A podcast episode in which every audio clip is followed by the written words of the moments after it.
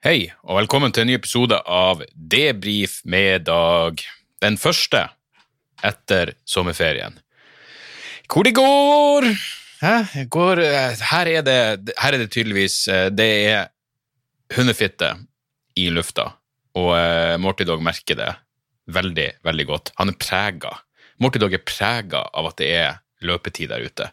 Og det er jo et søtt øyeblikk når du innser at, uh, at gutten din er blitt såpass stor at han har begynt å vise interesse for, ja, i dette tilfellet, det motsatte kjønn.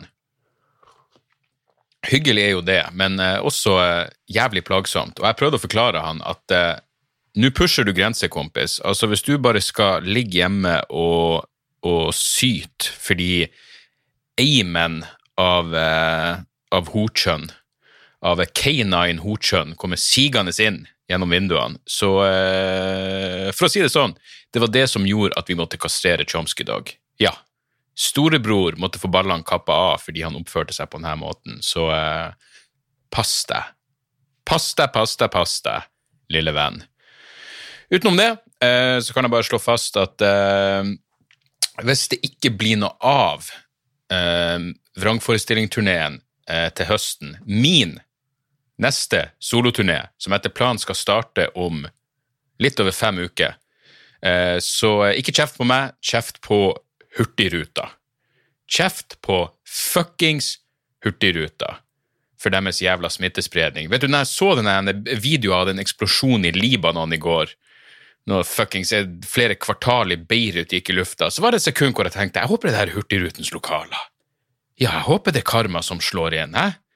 Og hvem i faen er det som tar Hurtigruta under en pandemi? Er ikke det noe av det dummeste valget du kan ta? Er ikke det generelt noe for gamle? Ok, jeg, jeg respekterer det hvis du er, hvis du er 85 og innser at uh, jeg, jeg, kan gå under når som helst, og, meg, og, og alt som er igjen på bucketlista mi, er fuckings Hurtigruta. Da er det greit. Men utenom det Og her er en annen ting. Uh, jeg skulle egentlig vært i Kjøpsvik på lørdag og hadde et uh, testshow sammen med Jan Tore Christoffersen. Showet er avlyst, og så har jeg fått et par meldinger fra folk som kjefter på meg for at showet er avlyst. Det er ikke min jævla idé å avlyse showet. Showet er avlyst fordi Kjøpsvik er en liten plass, og de klarer ikke å få det til å gå rundt økonomisk med de restriksjonene som er et faktum per dags dato. Og så får vi se om de restriksjonene blir enda jævla verre fremover, takket være Hurtigruta og eh, ja, det at folk faen ikke klarte å holde ræva hjemme i sitt eget forpulte land i én jævla sommerferie. Ganske imponerende. For der har jeg i det minste. Og igjen, jeg har alle insentiver for å reise til utlandet i sommeren. Jeg elsker å reise til utlandet. Stor fan av landene utover Norge. Men det, det virker bare utrivelig. Altså, når Aftenposten drar ut på Gardermoen for å intervjue folk som er på vei på utenlandsferie, og eh, de ikke vil la seg avbilde fordi de syns det er flaut Altså, Folk lar seg avbilde når, når det kommer nyhetsreportere klokka seks på morgenen og spør hei, du sitter på utenlandsdelen og drikker, og drikker pils klokka seks på morgenen. Hvordan føles det? Ja, alle sier jo selvfølgelig det her ville jeg aldri gjort under normale omstendigheter, men jeg skal til utlandet. Hei, du, folk stiller opp på det, men de vil ikke la seg avbilde fordi de skal på utenlandsferie under en fuckings pandemi. Så ja, det er der, vi, det, det, det, er der det er. Jeg har vært på uh, jeg har vært på eh, Nord-Norgesferie sjøl. Eh, vi, vi fløy til eh, Bodø først. Man måtte selvfølgelig bare overse det absurde ved at det gikk Altså, man kunne bare sett på annethvert sete ved gaten uh, før flyet tok av, men eh, inne på flyet så kunne alle sett eh, oppå hverandre. Så ja, det, det, er jo sånne småting som man, man bare må overse. Og eh, fløy opp til, til Bodø, henta en leiebil, kjørte ut til Sandhornøy, der min kjære fru har sin opprinnelse, eh, og så var vi der. Vi var der eh, ei uke, var jeg vel, fra ja, mandag til, til, søndag. Og det er litt rart, fordi vi, eh, vi bor jo i, eh, i, huset som hennes eh, foreldre bygde og bodde i eh, store deler av sitt liv, men nå har ja, det er blitt litt sånn pussa opp og renovert, og det er noen utleiefolk som skal inn der. Så, så det, det, føltes bare litt rart. Det føltes litt tomt og litt, eh, eh, litt rart. Eh, men, eh, men det, det, var ei, ei, fin uke, det, og det er jo jævlig fint på den øya. og Fin natur og alt det der. Jeg tok meg til og med et par jævla joggeturer. Så, eh, så det var trivelig, det. Og så eh, tok vi leiebilen igjen og kjørte opp til, til Narvik. Eh, og var der ei uke på, på hytta hos, eh, hos, mine foreldre. Uh, og det eneste som var Denne jævla kjøreturen fra, fra Bodø til Narvik er altså den er, den er, så forbanna satanisk. Altså, jeg har jo uh, klaustrofobi i høyeste grad. Og jeg er ikke noe sånn Altså, jeg innser at jeg syns ikke det er noe problem å kjøre bil. Det var, altså, det var null stress å kjøre de jeg vet faen hva det er, fem-seks timene fra, fra Bodø til Narvik. Uh, jeg, jeg, liker ikke å kjøre bil. Det er ikke sånn at jeg er sånn Jeg gleder meg ikke. Eh, jeg vil, jeg vil synes det er jævlig stress å kjøre i sånn si, sentrum av Oslo. Det vil stresse meg. Men, men og det å bare kjøre en, en sånn langtur, det, det, er ikke noe problem. Uh, skal også sies, um, når, vi, når, vi, fikk leiebilen, så hadde jeg spesifikt uh, bestilt en bil med manuelle gir, fordi det er det jeg er vant til. Uh, det jeg har kjørt av bil, har vært med manuelle gir i 98,4% av tilfellene. Men når jeg kommer til Hertz i Bodø, så, eh, så, sier jo den unge mannen bak kassen med et smil om munnen at vi har oppgradert bilen din, og nå får du automatgir. Og eh, det er klart, jeg måtte jo late seg være glad og fornøyd over det. Oppdatering høres jo, det, Oppgradering høres jo generelt bra ut. Så eh, det ville vært litt dildo å si, men kan ikke jeg få den tingen jeg faktisk ba om? Men, eh, og, men ja, og så jeg, måtte ta en liten jeg måtte faen meg ta en liten sånn eh, testtur på parkeringsplassen. parkeringsplassen. Fordi jeg, jeg, er ikke vant med, jeg er ikke vant med automatgir.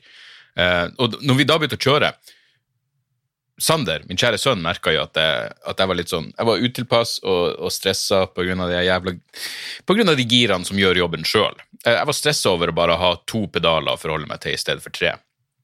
Så jeg sa til han sånn at vi, vi blir nødt til å bare kjøre litt rundt her på, på, på, parkeringsplassen. Jeg er nødt til å bare komme inn i det her. Og det første som skjer, er at jeg skal bremse, og bråbremse. Altså Jeg trykker inn bremsa så hardt at han fær fremover, og selvfølgelig har han sikkerhetsbelte på, men det skal, man, det skal han være jævlig glad for. Han lærte to ting her. Sikkerhetsbelte er bra, og pappa har null kontroll på automatgir.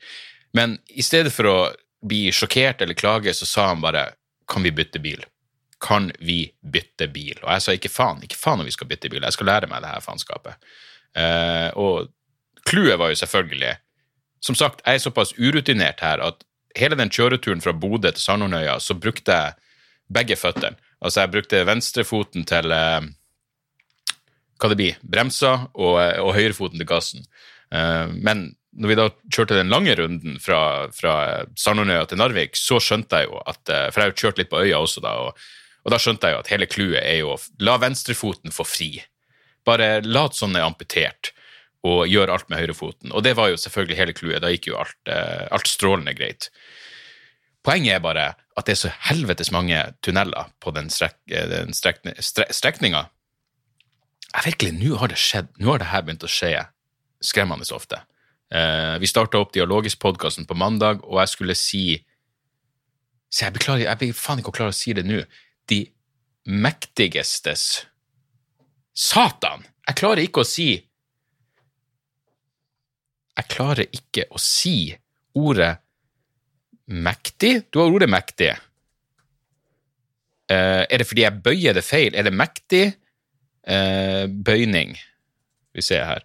For jeg sier mektigeste, men kanskje de Kanskje ordet er de mest mektige? Det er jo en lettere måte å, å si det på. De mektigste. De mektigste. Det, disse, disse, åtte er verdens mektigste mennesker. Eh, hvem dere tror det er, forresten? De åtte mektigste menneskene i verden per 2018. Putin på, Putin på førsteplass! Det her kan jo faen ikke stemme. Oppretta tirsdag 26.6.2018. Putin på førsteplass. Angela Merkel, Barack, Barack Obama. Ok, det, fuck det her. Uansett, ordet er mektig, mektigste. Mektigste. Ja. Eh, strekninga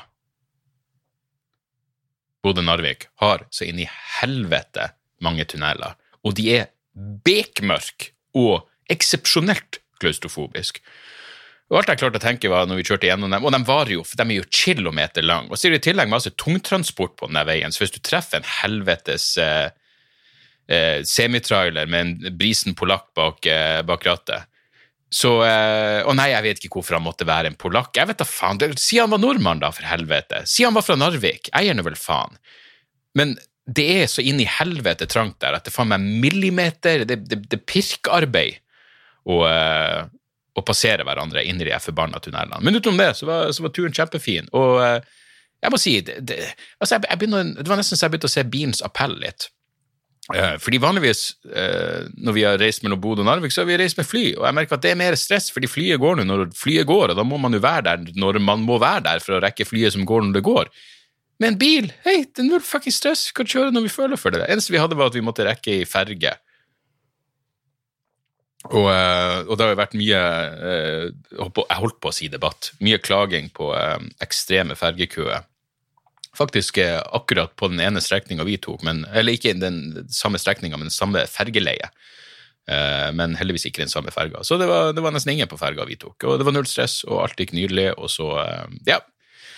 Så var det ferie ferie på Virak i ei uke, og det var, det var helt strålende. Vi var heldige med været, og det var laid back og, og riktig så koselig. Et par skikkelige familiære sjøslag ble det også. Satan! Jeg hadde noen, noen dehydrerte dager der. Men det var jo Nei, det var, det var kos. Virkelig kos. Faen meg blitt ja, marinert i Nøgne. Jeg gjorde noe bestilling før det er jævla greit nå med Polet, ikke en sponsor, men Polet, så at du bare kan bestille på nettet. og så, ja, så Jeg bare bestilte en masse vin og, ja, vin og øl på, uh, til Polet i Bodø, og så henta søstera til fruen det og tok det med ut på hytta til oss. Og, der var det mye. Mye nøgnø, mye forskjellige typer nøgnø. Eh, jævlig mye godt. En som ikke var god i det hele tatt, det var noe kirsebær, helvete. Men eh, Problemet med Nøgnø er jo at det er 7500 kalorier i hver jævla flaske, eh, og det setter jo selvfølgelig, selvfølgelig sine spor. Uh, og Det var vel derfor jeg desperat måtte prøve å bevege meg litt også. Jeg sprang min lengste runde når jeg var på Virak. Jeg kjørte ut til uh, hva heter det, Melkedalen, for dere som er lokalt kjent. Uh, Melkedalen er utenfor Ballangen. Og sprang faktisk 12, litt over 12 km, som er det lengste jeg har eh, sprunget. Jeg sprang samme vei frem og tilbake. Det er et eller annet med, med eh, Jeg lurer på om psykologien gjør at det blir lettere når du springer frem og tilbake samme strekninga. Så jeg, jeg, jeg, hadde planen var å springe en mil, og så når jeg hadde sprunget fem kilometer, så tenkte jeg fuck it, vi, vi prøver å, å, sette en personlig rekord i, i, lengde, i hvert fall.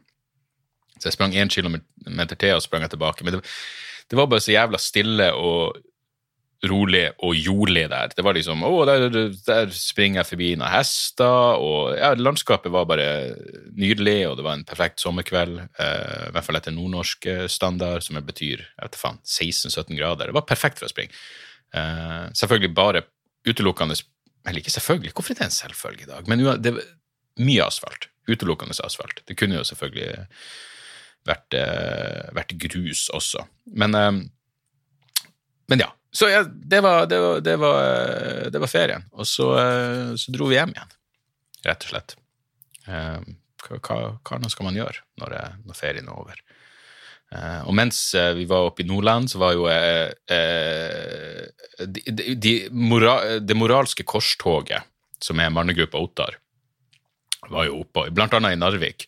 Eh, eh, Ottar har jo sin eh, turné, eller den ene fyren der som har en turné hvor han reiser rundt for å fortelle folk i nabolaget hvis dere at det bor eh, en eh, person som er dømt for en eller annen form for eh, seksuelle overgrep i nabolaget ditt. liksom drit i, i Drit i alle former for liksom rettsprinsipp og drit i det faktumet at her er en ting jeg ville spurt mannegruppa Ottar om. For jeg, skjønner jo at muligens på et eller annet vis så er hjertet på det rette stedet. Men, men jeg ville spurt han, han karen, hva enn han nå heter. Uh, du sier du gjør det her for å beskytte unger. Eh, du sier du har lyst til å si fra at det bor eh, overgripere i nabolaget for å forhindre, for å gjøre folk oppmerksom og forhindre at de begår nye overgrep. Det er dine intensjoner. Nå skal jeg svare for han. Ja, er hans svar. Og så sier jeg hvis du fant ut at det du gjør, faktisk kan gjøre alt verre, ville du da slutta? Og da tror jeg svaret ville blitt ja. Som igjen betyr at du må være åpen for muligheter, at det du gjør, faktisk kan virke mot eh, eh, sine, sine intenderte mål. Eh, og, og, da vil han selvfølgelig si hva betyr intendert, og jeg må svare ærlig, jeg er faen ikke helt sikker. Jeg vet ikke engang om det er et ord. Um, men derfor har man jo intenderte Det hørtes så jævla Jo, ja, intenderte. Uh, det, det, du prøver å, å oppnå. Intensjonene bak det du gjør. Poenget mitt er bare så bare kunne få dem til å forstå at ja, er, er, du åpen for at, at uh, det her kan gjøre ting verre? Uh, ja, og det må jo også bety at du har tenkt igjennom det du gjør. Så, så liksom, hva, er, hva, er ditt, hva, hva, er, dine fotnoter? hvorfor tror du at det her er en, en god taktikk? Uh, og da går jeg ut ifra han vil appellere til en eller annen form for intuisjon, som jeg for så vidt for så vidt forstår eh, hvor du tenker at jeg bare har lyst til å si ifra. Og eh, det her er noe jeg prata mye om tidligere, ikke minst sammen med, med Gunnar Tjomlid, men eh,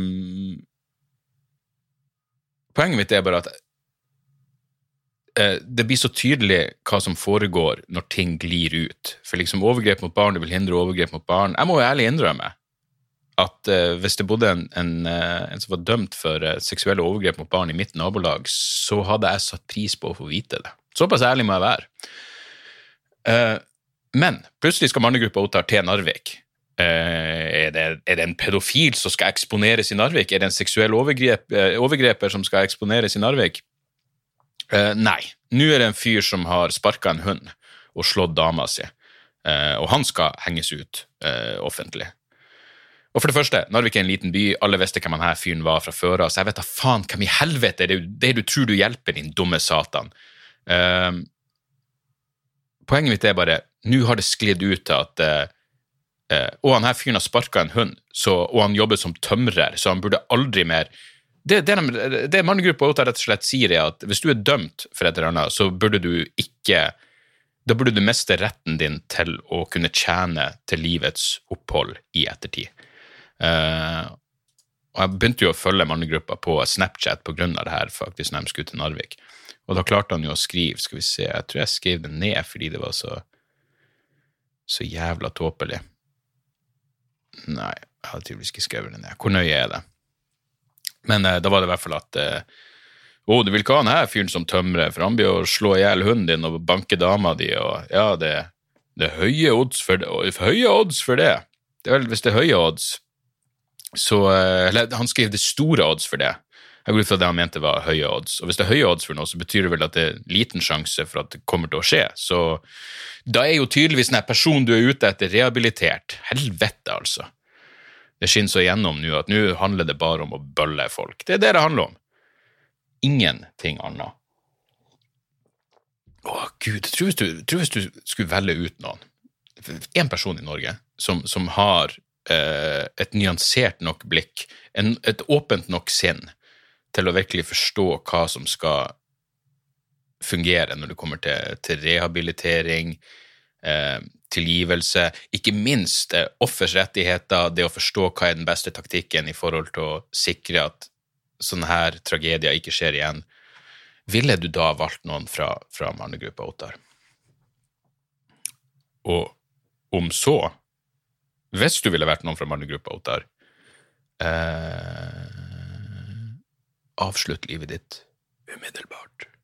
Umiddelbart. Eh, jeg er klar for, uh, for testshow eh, denne, uh, denne måneden. Jeg skal til Skal vi se, hvor skal jeg? Det burde jeg kanskje hatt en oversikt over. Så jeg, jeg, jeg, jeg klarer liksom fortsatt ikke å ta seriøst at, at ting at eh, showet mitt nærmer seg så inn i helvete eh, raskt. Men uh, denne uka er det sånn latteruke. Sto på Latter i går foran 80 stykker på hovedscenen. Hovedscenen tar 500 mennesker. Det var 80 stykker der.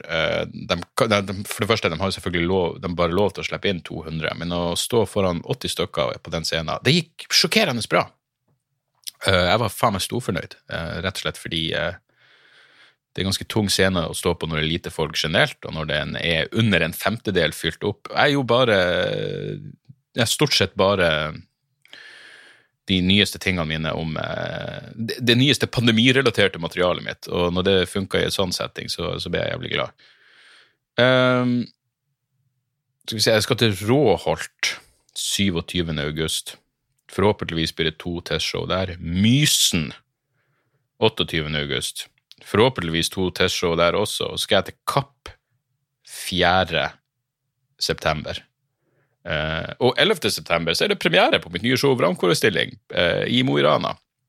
Forhåpentligvis. Vi får se. Uh, inshallah og Hurtigruta villig. Så, så, blir det turné.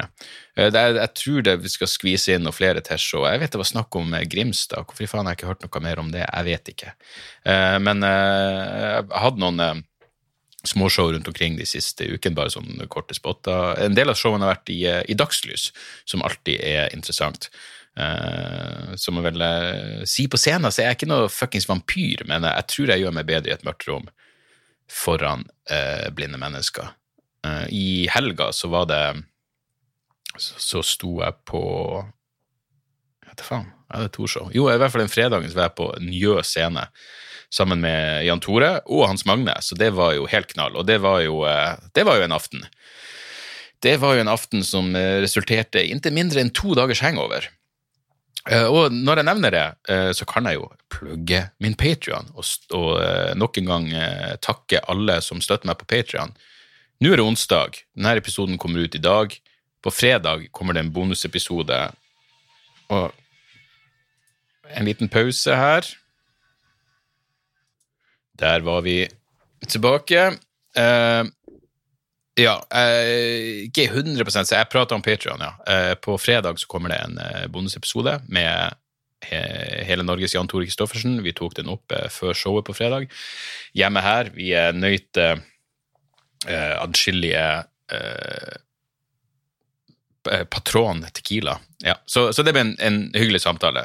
Den kommer ut på fredag. Takk til alle som fucking støtte opp på Patrion. Det betyr eh, mer enn dere innbiller dere. Så eh, det, setter, det, setter, jeg jævlig stor pris på. Patrion.com slash dagsoras. Eh, da får du noe, litt snacks, og det ligger ute noen roaster og noe show fra, fra England, og dere får i hvert fall en bonusepisode i måneden. Av og til blir det mer. Så sånn er det for de som, som liker sånt. Eh, jeg satt i går og så Altså, jeg, jeg, måtte skrive Jeg delte den på Facebook. Jeg, måtte skrive, jeg, jeg elsker Kirby Enthusiasm, jeg elsker The Office, jeg, jeg elsker Klovn.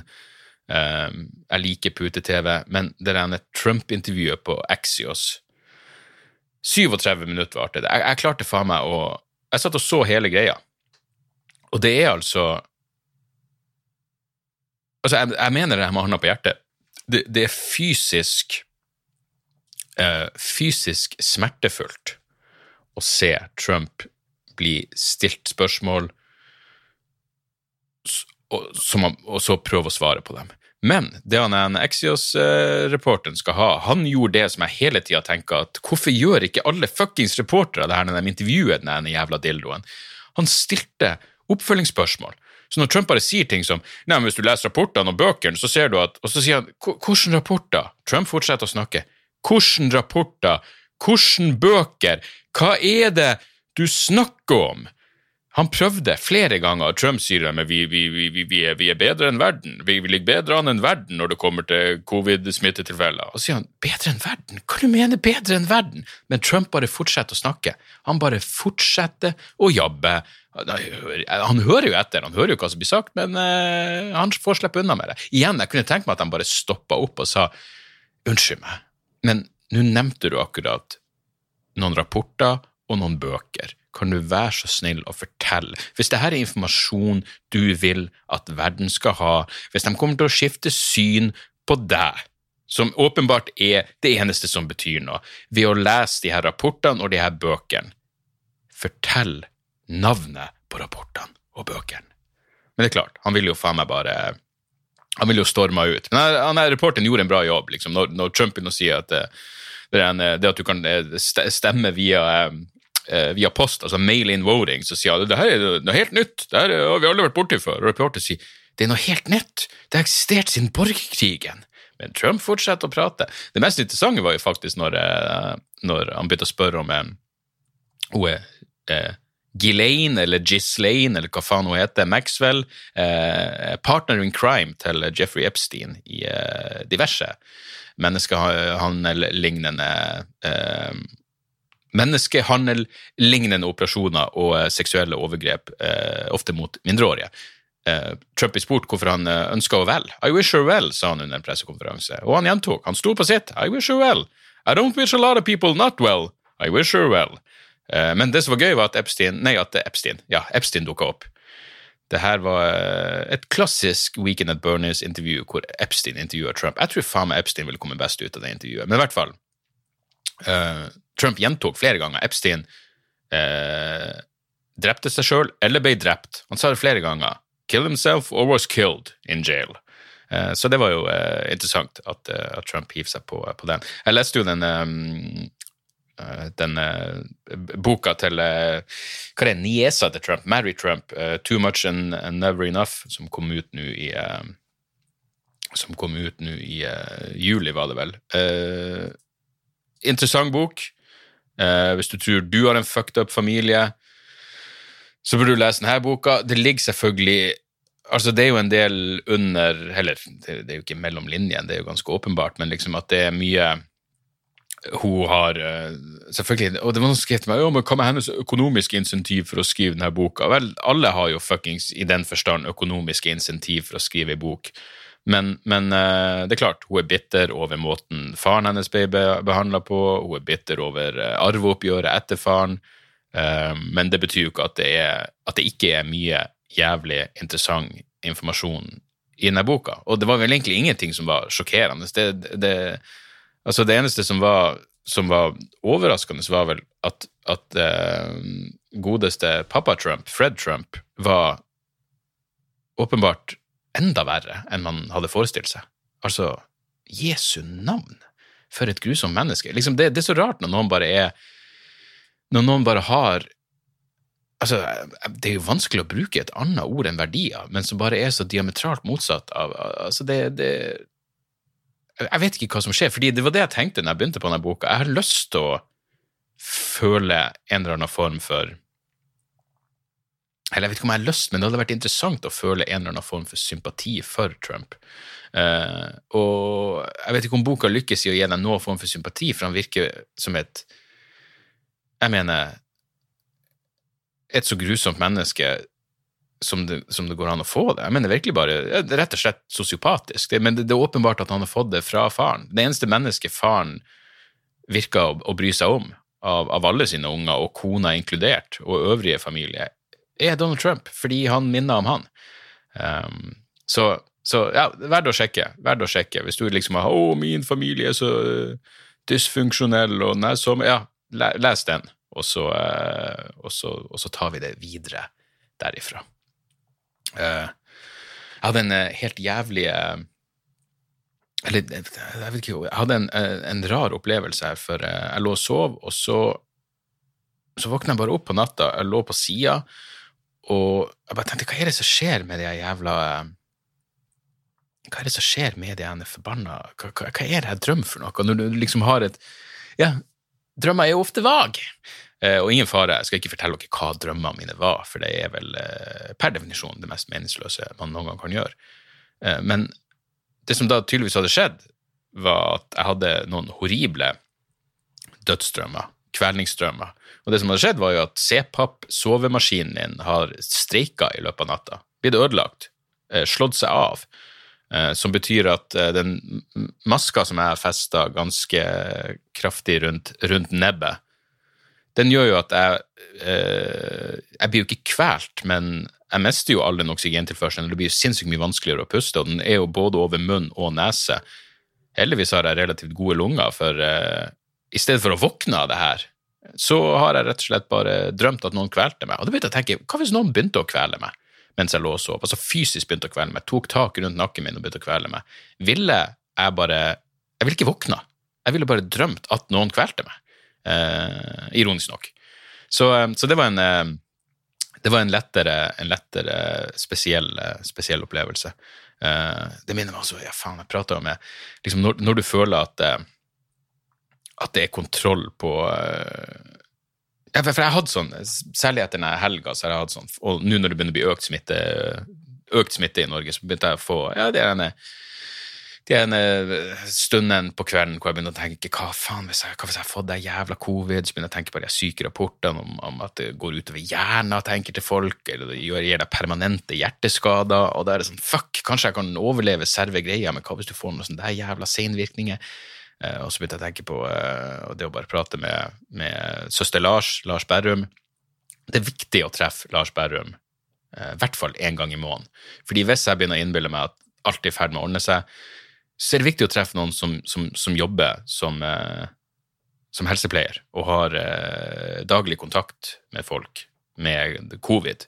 Eh, og han, ja, han bare fortalte meg en historie om noen som var kommet ut, en ung herremann som var kommet ut av respirator, og det første han sa når de, når de tok han av respiratoren, var 'drep meg, drep meg'. Og det er en ung mann med familie og barn og alt å leve for, men uh, ja, nei. Åh! Satan i helvete. Kan vi ikke bare bunne med de munnbindene? Det, hvor lang tid tar det for, for bare alle? Jeg, og igjen, jeg vet ikke engang om det blir å funke, men av og til så trenger man en liten placebo. Det var, det var en, her har du virkelig når, Snakk om når, når, media bare Jeg vet ikke Altså, du, du har det der med å, å, å mislede. Altså, du, du kan lyge, og så kan du mislede og så kan du Jeg vet ikke engang hva det her faller inn under, men Aftenposten hadde i hvert fall, og det her må jeg jo ta litt på, på minnet, men Aftenposten hadde en artikkel eh, i forrige måned om munnbind, hvor poenget var at eh, Poenget var vel at, at, at, det er rart at, at Norge ikke har, eh, ja, har, har pålagt bruk av munnbind, i hvert fall på kollektivtransport og sånn. Eh, og så var det ei liste over landene som ikke har påbudt munnbind, og eh, ingressen var Norge, i likhet med land som Turkmenistan, eh, har ikke myndigheter som krever munnbind. Men hvis du så på lista, så sto vel både Sverige og, og Danmark på lista. Jeg lurer på om faen meg hele Skandinavia sto på lista. Men ingressen er selvfølgelig ikke hvorfor, Skandin hvorfor skiller Skandinavia seg ut? Nei, det var hvorfor er Norge som Turkmenistan når det kommer til munnbind? Jeg vet da faen, det, det, det, er jo ikke løgn. Jeg vet ikke engang om det er misvisende, men det gir jo et inntrykk av at Norge eh, likestilles med land som vi ikke liker å sammenligne oss med, når du like gjerne kunne sagt hva faen som er rart med, med, med hele Skandinavia. Ja, nei, det, det, det um, Av og til skjønner jeg virkelig, virkelig uh, at media får uh, får et relativt dårlig rykte. Og kan det være Av og til er det, sånn, er sommervikarene. Uh, Erling Borgen, Journalisten Erling Borgen hadde en fin oppdatering på Facebook når det var den uh, hva de kalte det, karantene, kampen mot karanteneklokka, når det var de fuckings folkene som kom tilbake fra Spania, og så og lander de etter midnatt, så må de i karantene, men lander de før midnatt, så sletter de karantene. For slår karanteneplikta slår inn ved midnatt, så lander de ti minutter før, og jippi for det. Og Erling Borgen skrev noe sånt som at se for deg de stakkars sommervikarene. Du får, deg, du får deg et sommervikariat i NRK, da tror du i hvert fall at ja, ja, det kommer til å være en viss seriøsitetsgrad på den eh, journalistikken jeg skal bedrive. Og så er det nei. Kan du få tak i noen fuckings kuksugere på et fly fra Spania som kanskje lander før midnatt, og kanskje etter? Eh, og så lager vi en gladsak på at de her folkene ikke skal inn i eh, karantene. Eh, og så lager vi ikke en oppfølgende lei seg-sak når komikere ikke kan gjøre sine planlagte fuckings turneer til høsten på at de her jævla dildoene ikke kunne holde seg hjemme i en fuckings sommer. Men uansett. Uansett. Det kunne vært så mye verre. Jeg har en venninne som var hos, som var hos gynekologen for å skifte spiral. Jeg vet ikke noe om spiraler. Jeg vet ikke hvor store de er, men jeg kan se for meg at de ikke Du gleder deg ikke til å sette inn en spiral. Du gleder deg ikke, eller du gleder deg kanskje til å sette inn en spiral, for da er det mindre stress, men å bytte spiral er vel ikke noe du, du liksom noterer ned i kalenderen som en gladdag av dimensjoner. Men i hvert fall, hun kommer eh, til legen sin. Viser seg at legen hennes er ikke på jobb. Hun blir sendt til en annen lege, en eh, mannlig lege, en eldre herremann, som For det første, han tar ut den gamle spiralen. Det gikk for så vidt greit nok. Men, og det her var vel hennes ord, han styrer noe jævlig der nede eh, med å få inn denne spiralen, og det begynner å blø, og det blir utilpass. Og i tillegg, så i stedet for å bare da En ærlig sak, du klarer ikke å sette inn spiralen, så snakker han med seg sjøl underveis. Og liksom bare faen, Faen meg trangt, og helvete heller, ja, ja, mine egne pasienter. De får prate sånn mens han prøver å sette inn den jævla spiralen. Får det ikke til, eh, så må du sitte der og vente. I mellomtida tar han en privat samtale. Planlegger hva han skal gjøre i ettermiddag. Ja, skal vi gå på uh, hvor, skal vi spise henne i kveld? Blir det, blir det TGI Fridays, eller? Hæ? Han tar en privat samtale, og under samtalen så prater han om hvor mye han har å gjøre i dag, og at han får en masse pasienter som egentlig ikke er hans pasienter. Mens hun fucking sitter der! Og så sier han bare til henne at ja, du er nødt til å eh, du er nødt til å uh, fære til noen andre. Spiralen er ødelagt. Uh, spiralen koster uh, 1200 kroner. Spiralen er ødelagt, uh, så du må bare jeg skriver ut en resept på en ny, og så må du bestille en ny time hos noen andre. Så det, er sånn, her, det her er jo fuckings uakseptabelt. Du har ødelagt spiralen. Denne, det ender opp med at han går og henter 1000 kroner ut av egen lommebok og gir til henne. Uh, gir hun 1000 kroner ut av egen lommebok som en, en, siste fuck you og bare kom deg ut herifra. Så hun bare bestilte en time hos Volvat. Takk Gud for privat helsevesen. For i tillegg så ville det ta henne en måned å vente på å få en ny spiral. Hun var sånn Jeg, jeg, jeg kunne tenkt uh, Jeg kunne tenkt meg en, en, en penis i min vagina i løpet av den neste måneden. Så hva faen er det her for noe? Skal jeg gå og vente en fuckings måned? Hun var jo livredd for at hun kunne få mensen på nytt igjen. Jeg, igjen, jeg kan ikke de her tingene. Jeg går ut fra hormonspiral og spiller inn på ting, og hvis du plutselig fjerner den, så kan du vel plutselig få mensen, og det er jo noe av det siste hun vil ha, uh, utenom denne manns fingre i seg nok en gang. Uh, så han heter 1000 kroner ut av egen lomme. Og her var siste updaten jeg fikk av henne. Hun hadde sendt en klage, som var 100 rett. Hun hadde sendt en klage uh, til, til hans arbeidsgiver. Og uh, fortalte meg hun fikk svar i går. Da fikk hun et brev, eh, svar fra denne legen, hvor han bare beklager at du hadde en dårlig opplevelse med meg. Eh, vil legge til at 10% av spiralinnsettinger ikke, ikke um, går som planlagt fordi det er van et vanskelig inngrep, eller hva det sto. Og så i tillegg 200 kroner til i cash. Eh, for jeg, tror, jeg går ut fra hun eh, venninna mi har skrevet i brevet at eh, en spiral koster jo faen meg 1200 kroner, og så ga han meg 1000 kroner cash, og så legger han faen meg til 200 kroner ekstra. Og det var det det slo meg. For en grusom kuk. Men jeg er jo en hevngjerrig faen, så jeg tenkte han sendte 1000 kroner Skal vi se Nei, han ga henne 1000 kroner eh, og så nå la han til Nei, her er greia, jeg trodde det var ulovlig å sende kontanter i posten. Jeg lurer på om det er det i USA. Um... Oh! Det står i postens reglement at det ikke er lov å sende penger i posten uten videre. Fuck yes! Vel, hun kommer jo aldri til å gidde å gjøre det her, for hun er ikke sånn som meg, og det tror jeg hun er jævlig glad for. Men det hadde vært jævlig gøy å bare anmelde den pikken eh, for å ha sendt eh, ja, for å ha sett det, Jeg vet da faen. Det, det, var bare noe eksepsjonelt. Altså, brevet, Svaret hørtes bare så jævla nedverdigende ut.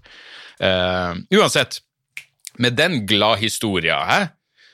Den glad, jeg mener, Sånn sett så ble jo rettferdigheten ble jo oppfylt. Jeg vet da faen om, om han en gang fikk en altså brevet, Klagebrevet gikk jo ikke direkte til han, så noen andre må jo ha lest det først og tenkt faen for en kuk han her jævelen er. Um, men uansett, det, er jo, det er godt å være tilbake. Tro det eller ei. Kanskje det ikke høres sånn ut, men det er faen meg godt å være tilbake igjen. Uh, jeg håper høsten blir sånn som den skal være. Jeg har sagt det før, men det er vanskelig å drive og, og promotere showet mitt. Men, men tingenes tilstand uh, Altså, 1. september skal det jo kanskje åpnes opp for 500 mennesker. Eh, hvem vet om det blir å skje? Hvem vet hvordan turneen min blir å se ut hvis det ikke blir å skje? Jeg aner ikke. Hvis dere går på dagsoras.com slash hvor, eller bare google Dag Sørås eh, vrangforestilling, så skal dere få opp eh, de planlagte showene. Det, her, det, er merkelig å ikke kunne promotere ting tydeligere. Uh, men, men, sånn er det. Men uansett, her er greia. Hvis dere kjøper billett, enten får dere se et show som blir fuckings bra, eller så får dere penger tilbake. Uh, så sånn er det. ja. Utenom det, det, det, det, er ikke mer å si. Jeg, jeg, skal fortsette å jobbe med materialet og alt det der faenskapet. Så jeg, jeg skal i hvert fall være, være, så klar som jeg kan bli. Uh, og så får uh, ting som er utenfor min kontroll, bare gå som de går. Uh, et par tips helt på slutten her. I sommer har jeg holdt på med Jeg er ennå ikke ferdig med den, for det er en murstein. Men jeg har holdt på med i boka med en fyr som heter Frank Snowden.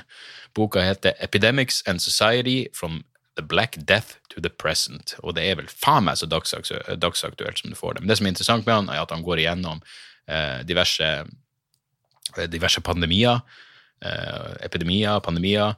Eh, og så forklarer han hvordan de har påvirka samfunn, ikke, ikke, bare i forhold til sykdomsforløp og alt det der, men også hvordan det har påvirka politikk og, og, og, kunst og kultur. Så den er, den er jævlig fin, og ikke overraskende hvordan, hvordan epidemier har eh, blitt utnytta av myndighetene til å utøve enda mer kontroll over sine borgere. Så eh, den, den, kan, den kan, anbefales. Den er litt, den er litt tørr, men si, det, det, er jævlig mye uh, verdifull informasjon i den boka. Så uh, 'Epidemics and Society' av Frank Snowden. Um, jeg og fruen så en film som heter Richard Jewel, her en kveld. Uh, det er vel uh, det er Clint Eastwood sin film. Sann historie, basert på eh, eller basert på den sanne historien om Richard Jewell. En mann som berga mange menneskeliv under jeg, jeg, kan huske at dette var en nyhetssak. OL i Atlanta i Var det 86 eller 96? OL Atlanta. Jeg tror det var 96. Det må jo være 96, hvis jeg husker det. Sommer-OL i 1996 i Atlanta.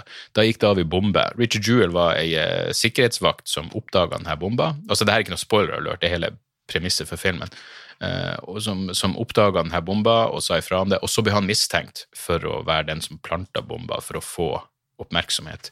Og når du ser noen av denne måten FBI går frem, går frem for, å, uh, for å avhøre han Jeg kan ikke skjønne at, at ikke det er hovedfokus, hvor jævla ulovlig det må ha vært. men uh, rørende og uh, fin film. Syk historie, men uh, absolutt verdt uh, to timer av livet ditt.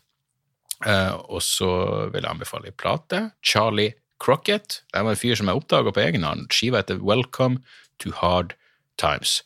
Det er strålende god, gammeldags det er country, det er litt folkemusikk, det er blues, det er rock'n'roll, men og strålende stemme og uh, så jævla gjennomført. Knallskive.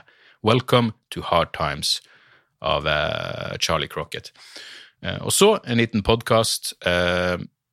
et lite podkasttips, en ny podkast som heter Uncomfortable Conversations. Um, med, en, med en australsk journalist som heter Josh Zepps Um, det er vel en fire-fem episoder ute. Jeg vil særlig anbefale episoden med Heter han Oliver, eller Oliver Berkman? Uh, jeg er ganske sikker på at han heter Oliver Berkman Ja, Oliver Berkman. Uh, også skrevet en jævlig bra bok som heter som er ute på norsk òg. Den heter The Antidote. Uh, et eller annet Happiness for People Who Can't Stand Positive Thinking ute på norsk også. Det er, er faktisk eh, en sånn hva er det, blurb når du anbefaler ei bok. Eh, mine jævla synspunkt på den boka er på, på baksida, eh, men boka heter Motgift på norsk. Eh, men uansett, poenget er han blir intervjua på denne podkasten om hvorfor man ikke burde gjøre nyhetskonsumpsjon til en så enormt stor del av livet sitt, og hvordan man i eh, den moderne digitale verden Hele ideen om at du må være oppdatert på alt minutt for minutt egentlig er kontraproduktivt og uh, skadelig for psyken. Så uh, Uncomfortable Conversations-podkasten. Uh, start gjerne med episoden med Oliver Berkman, for den er helt knall. ja, så der er vi. Vi er i gang igjen. Som sagt, en bonusepisode av, på Patrion kommer på fredag. og til resten av dere så høres vi neste uke. Ok? Forbli frisk, og hold dere unna den fuckings Hurtigruta. Tjo og hei! Moderne media. Da er det reklametid, ukens annonsør er fiken. Hør her, jeg, jeg, jeg avskyr ordet regnskap. Ordet regnskap eh, gir meg assosiasjoner som er uhyggelige. Det får meg til å tenke på andre uhyggelige ord som ettersyn og underlivsundersøkelse. Men regnskap er et nødvendig onde, og fiken er et så enkelt regnskapsprogram at selv jeg kan klare å ha kontroll på finansene hvis jeg bruker det. Eh, du kan registrere kjøpene dine bare med å ta et bilde av kvitteringa med appen, og så kan du bare hive, hive kvitteringen. Hvor nydelig kan det bli? Og Fiken forholder seg også til regnskap med overkommelige ord. Det er ikke masse overkomplisert økonomisk terminologi. De kaller det kjøp og salg i stedet for hva enn de kaller det på BI. Og du kan, eh, du kan få fiken til å sende purringen dine, sånn at du slipper å gjøre det sjøl. Slipper du de flaue øyeblikkene hvor du må skrive 'unnskyld meg, men det står noe utestående her, kan du fikse det fortest mulig', eller må jeg sende, sende mafiaen etter deg? Nei, fiken fikser det så kan du skylde på algoritmene. Du slipper dårlig stemning. Jeg syns det er utrolig greit å slippe å styre med sånne ting sjøl, og nå kan du prøve fiken gratis i 30 dager. Hva, hva har du å tape? Bokstavelig talt ingen verdens ting. Så gå inn på fiken.no og prøv fiken gratis i 30 dager. Ok? Det var det så vanskelig.